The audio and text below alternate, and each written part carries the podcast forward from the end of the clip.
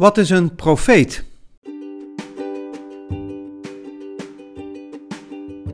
Hallo allemaal, dit is Han Geppaard en ik heb een woord van God voor jou.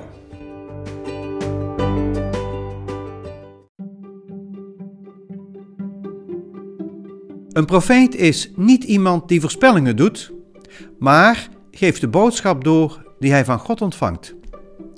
Hij spreekt dus namens God.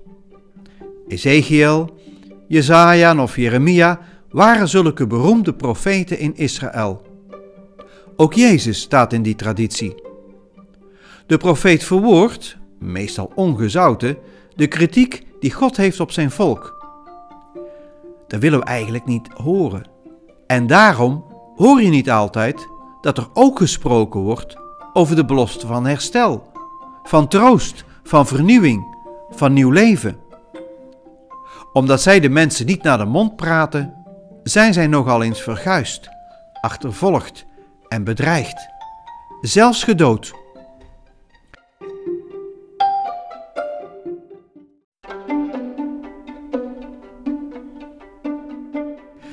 Critici kunnen dus heftige weerstand oproepen. Kritiek roept immers op tot verandering en dat willen we vaak niet. Zo heeft een Nederlands politicus, notabene van een christelijke politieke partij, de afgelopen jaren voortdurend zijn mond open gedaan over misstanden in de kindertoeslag. Op andere terreinen stelde hij eerder al misstanden aan de kaak. Al die tijd werd deze luis in de pels op talloze manieren tegengewerkt. Er werd geprobeerd zijn mond te snoeren, vooral juist binnen de eigen gelederen. Want hij doorkruiste hun eigen politieke plannen en persoonlijke promotiekansen. Nu speelt dit zich af in de politiek. Je komt het tegen in bedrijven, in families, kerken en parochies. Misschien is het daarom wel dat Marcus in het evangelie van vandaag niet de naam vermeldt van de vaderstad van Jezus. Zo is het voor ons gemakkelijker in te zien dat die vaderstad overal kan liggen. Zijn die mensen in zo'n stad slecht? Daar wordt niets over gezegd.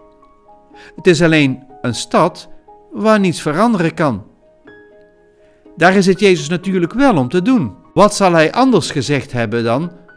De tijd is vervuld en het koninkrijk Gods is nabij. Bekeert u en gelooft in de blijde boodschap. Natuurlijk brengt dat onzekerheid. Het verstoort jouw leventje. En daar komt bij, hij is er eentje van ons.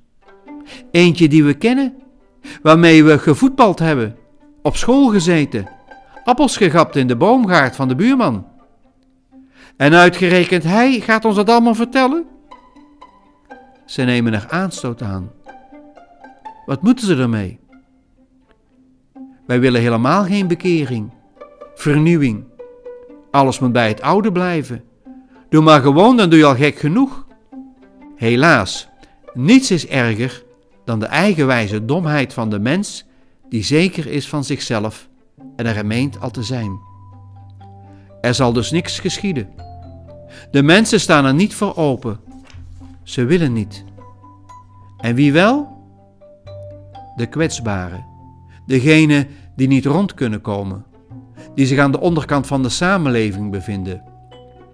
Zij staan open, aan hen geschiet het wonder.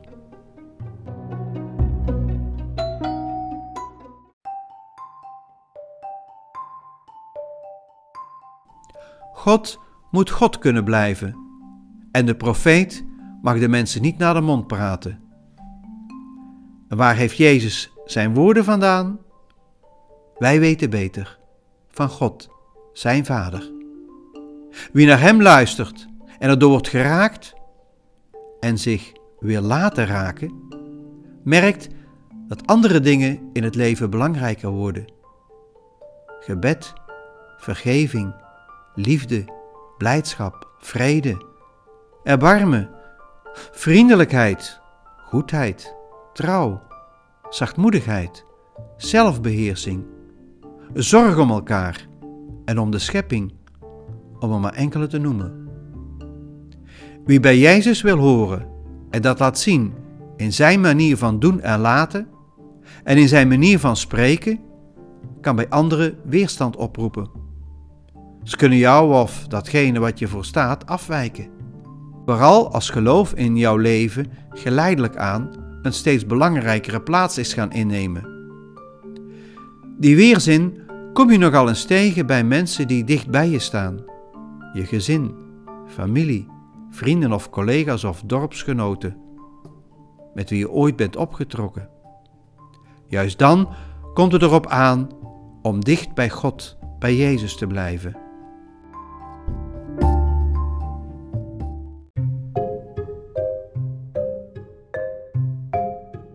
Juist als het moeilijk is, zegt Paulus, juist dan ben ik sterk. Want ik ben mij bewust dat de Heer op dat moment dicht bij mij is. Ga vooral door, want de boodschap moet verder gebracht worden.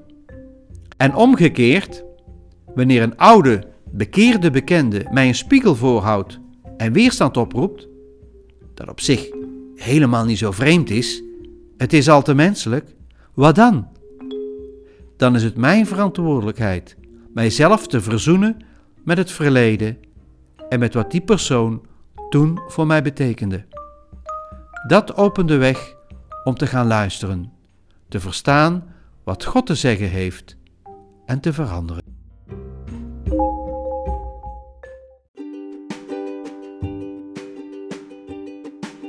Hallo allemaal, dit was Han Gepaard van de parochie Heilige Maria Magdalena met een woord van God voor jou. Tot de volgende keer. Houdoe!